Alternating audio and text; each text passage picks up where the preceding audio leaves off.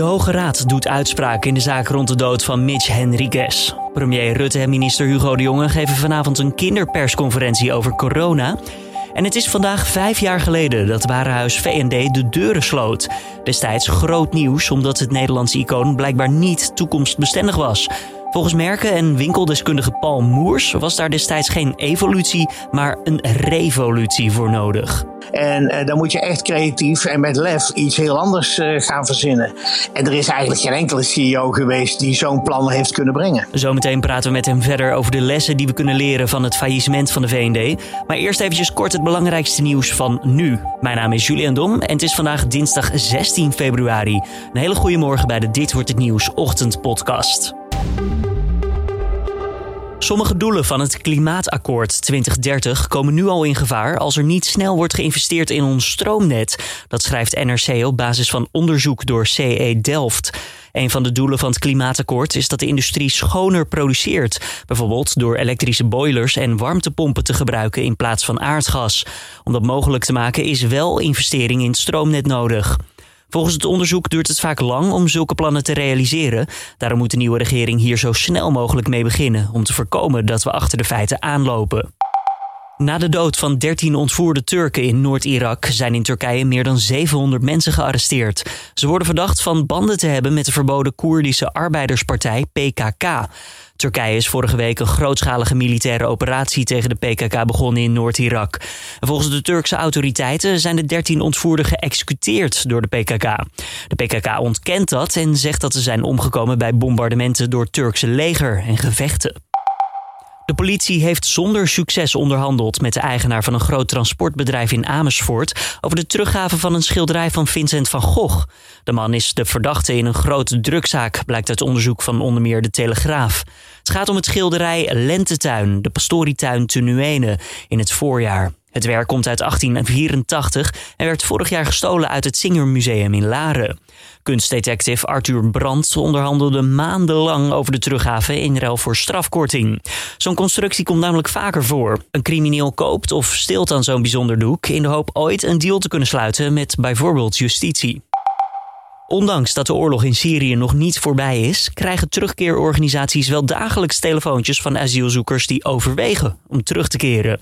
Het AD schrijft over Nader, zijn vrouw en drie kinderen die in 2016 vluchtten voor de burgeroorlog vanuit Syrië naar Nederland en hier een verblijfsvergunning kregen. Toch keerden ze een jaar geleden weer terug naar Damascus vanwege heimwee. Ook voelden zij zich in Nederland eenzaam en onbegrepen. Terugkeer naar Syrië is een beladen onderwerp, schrijft de krant. Sinds 2014 kregen namelijk meer dan 70.000 Syriërs een verblijfsvergunning in Nederland. In recent onderzoek gaf een grote meerderheid van hen aan hier te willen blijven. De Nederlandse economie is in het vierde kwartaal waarschijnlijk lichtjes gegroeid, ondanks de tweede coronalockdown. Die groei is echter niet genoeg om te voorkomen dat 2020 de geschiedenisboek ingaat als jaar van economische krimp. De precieze cijfers komen later deze ochtend naar buiten. Economen die verwachten in ieder geval een minimale groei van zo'n 0,2 procent. En miljoenen Texanen zitten noodgedwongen zonder stroom, terwijl het ongekend koud is in de Amerikaanse staat. De temperatuur die ligt daar tussen de min 2 en min 22 graden Celsius. Zo'n 3 miljoen klanten worden om de beurt tijdelijk afgesloten om zo'n ongecontroleerde uitval van stroom te voorkomen. De kou zorgt namelijk voor een grotere vraag naar stroom dan geleverd kan worden. Door de kou kunnen niet alle brandstoffen voor generatoren worden gebruikt en door het slechte weer is ook de productie van windenergie bijna gehalveerd. De Nationale Garde is ingezet om oudere bewoners naar schuilplaatsen te vervoeren waar wel voldoende warmte beschikbaar is.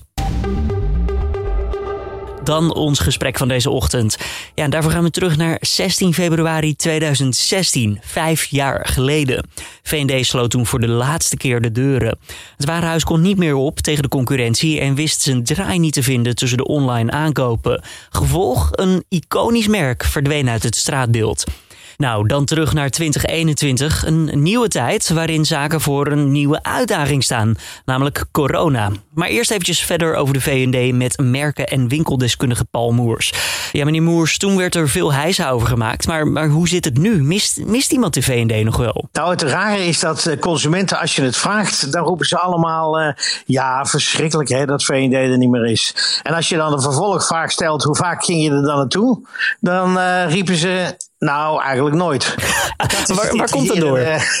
ja, dat is het intrigerende aan mensen. Dat heeft waarschijnlijk te maken met uh, de herinneringen uit het verleden. Hè? Dus uh, vroeger ging je misschien uh, met je ouders aan de hand naar wat toen nog heette de lunchroom van VND.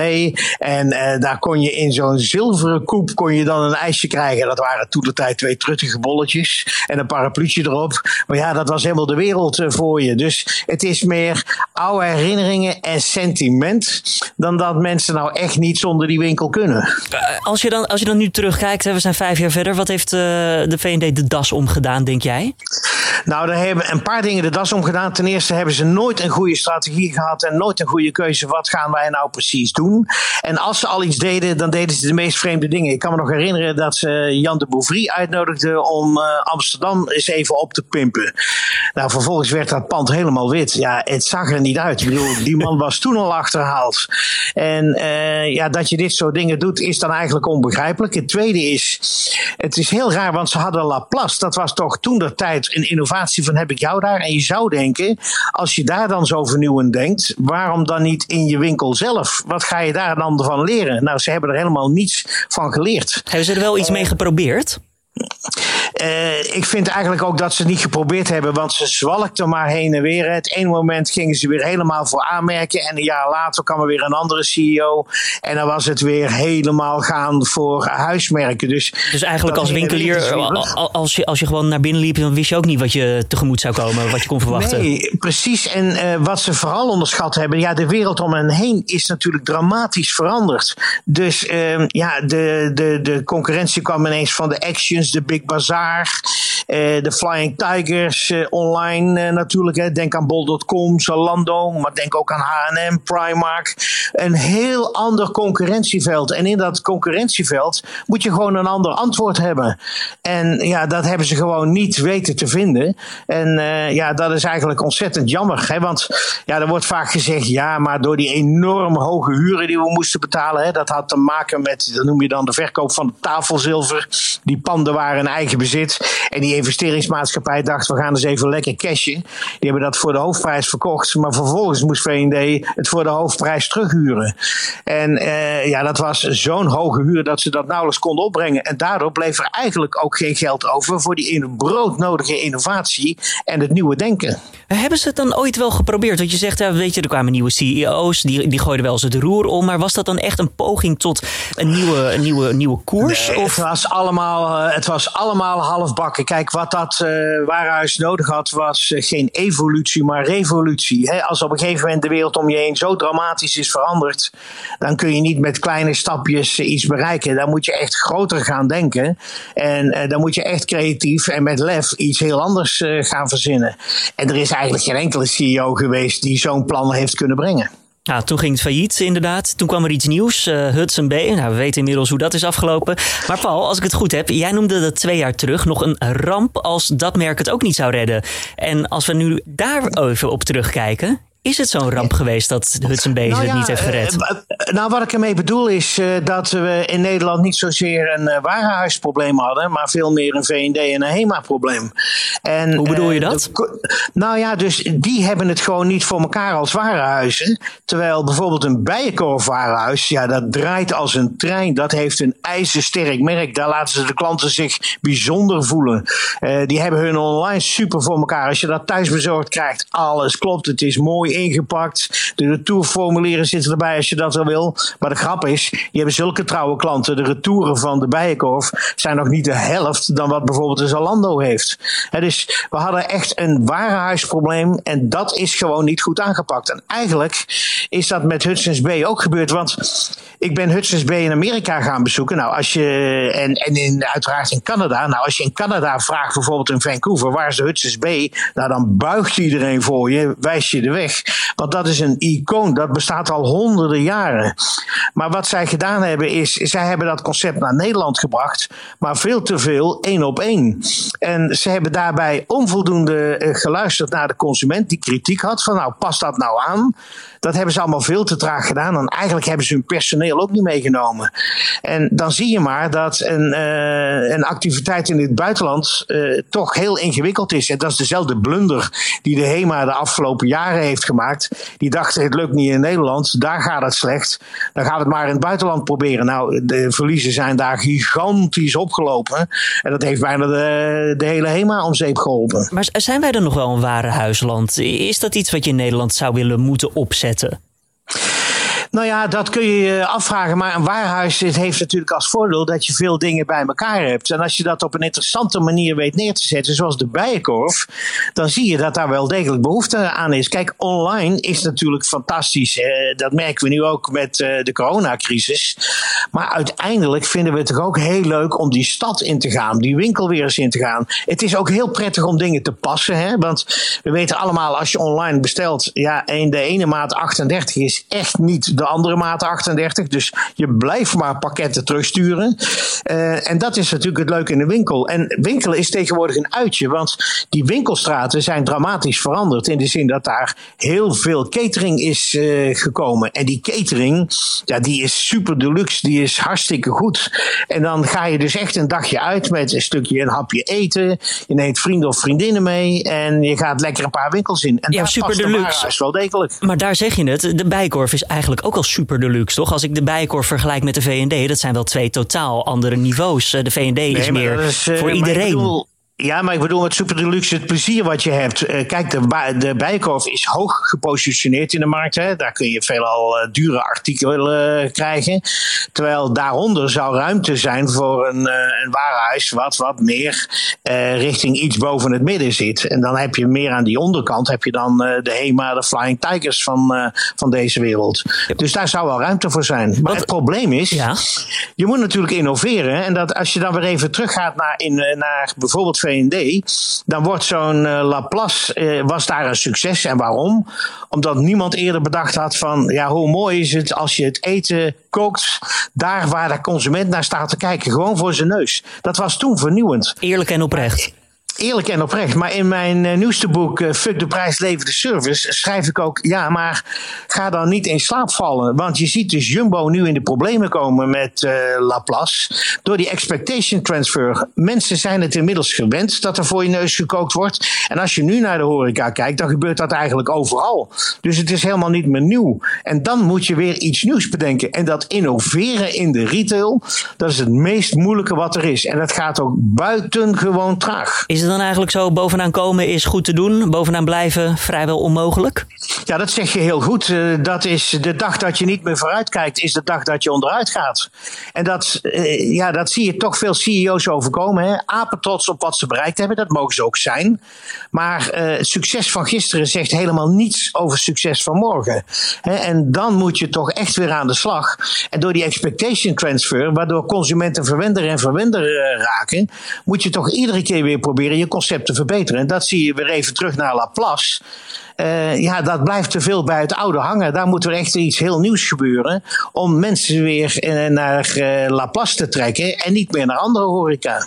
Als we het heel kort nog eventjes ja, inzoomen op de coronacrisis. winkels zijn nu ook al tijden gesloten. Is er nog ruimte om te innoveren nu? Ja, of tenminste straks na de coronacrisis, denk je? Is, is er financiële ruimte voor om met iets nieuws te komen nog in Nederland? Nou ja, ik denk dat dat op zichzelf mogelijk moet zijn. Want ehm, kijk, je had verleden jaar toch 5,9% groeien in die retail. En, en natuurlijk is dat uh, overwegend naar online gegaan. Maar uh, winkeliers denken altijd: ja, er is heel veel geld nodig om iets nieuws in mijn winkel te doen. Maar um, als je kijkt naar concepten als Hutspot, hè, die helaas failliet zijn, maar die bedachten echt een belevingsconcept. En dat was een heel groot succes. En, en kan je heel kort uitleggen, belevingsconcept? Wat, wat, wat gebeurde daar? Die hadden alles bij, me, bij elkaar staan. Uh, van tweedehands spulletjes tot nieuwe spulletjes. Uh, en je kon er werkelijk alles kopen, maar je kon er ook koffie drinken. Je kon er ook blijven eten. En uh, ja, dat was gewoon een heel leuk concept. En als je dan, en wat je van die mensen kunt leren is, als je je winkel vernieuwt, dan moet je helemaal niet denken aan heel veel geld investeren, maar je moet aan creatieve dingen denken. Hoe maak ik die winkel nou leuker? Bovendien kun je bedenken van, nou, misschien moet ik eens een krukje in het midden van die uh, winkel zetten En eens kijken, geef ik mijn spullen nou voldoende ruimte? Ik zie zoveel winkels waar alles op elkaar gepland is. Dat je denkt, ja, ik zie door de bomen het bos niet meer. Dus ga keuzes maken. Ga nu deze tijd gebruiken om je winkel eens op te knappen. Doe dat op een creatieve manier. Dat hoeft helemaal niets eh, te kosten. En ik geef altijd het voorbeeld Valparaiso in Chili, waar ik verleden jaar was. Uh, ja, dat zijn toch winkels die ook nauwelijks geld hebben. Maar als je ziet met minimale middelen hoe leuk die die winkels maken en hoe spannend.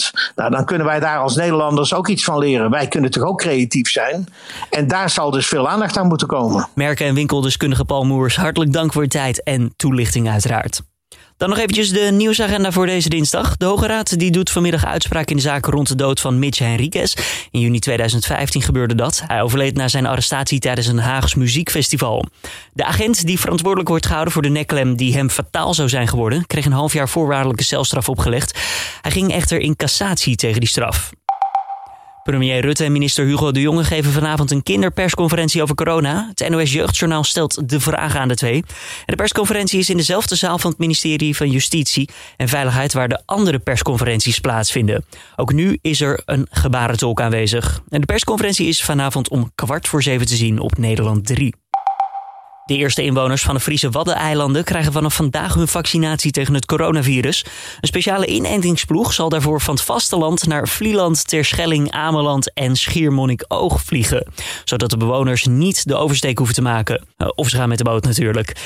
De eilanders krijgen het coronavaccin van Pfizer en BioNTech. En dat wordt met de ambulancehelikopter van, naar en tussen de eilanden vervoerd.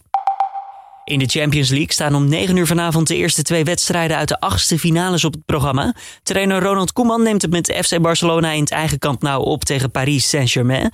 En Jorginho Wijnaldum neemt het met Liverpool op tegen RB Leipzig, de club van Justin Kluivert. Het duel wordt in Budapest afgewerkt omdat Duitsland momenteel geen vliegtuigen uit Engeland laat landen. Dat vanwege de Britse coronamutatie. Dan nog eventjes het weerbericht met Alfred Snoek van Weerplaza. Vandaag begint de dag met bewolking, nevel en een beetje miserregen. Later vanmorgen en ook aan het begin van de middag weet vooral in het midden en zuiden van het land ook af en toe de zon door te breken.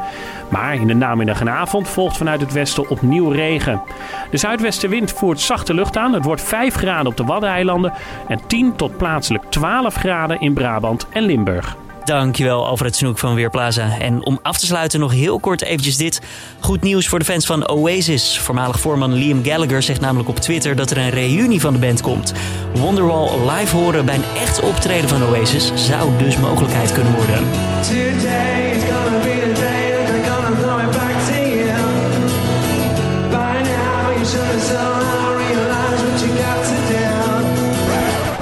Een van zijn volgers vroeg het simpel recht toe, recht aan, waarop Liam antwoordde: Het gaat gebeuren. En daarmee lijkt een terugkeer nu ook echt dichtbij. Oasis viel in augustus 2019 uit elkaar toen Liam Gallagher ruzie kreeg met zijn broer. Die was gitarist in de band. De twee lijken hun ruzie inmiddels bijgelegd te hebben. Een kort geleden schreef Liam namelijk aan zijn broer dat hij van hem houdt en dat dit toch echt hun jaar wordt. En dit was dan de Dit Wordt de Nieuwsochtend podcast van Nu.nl. Tips of feedback?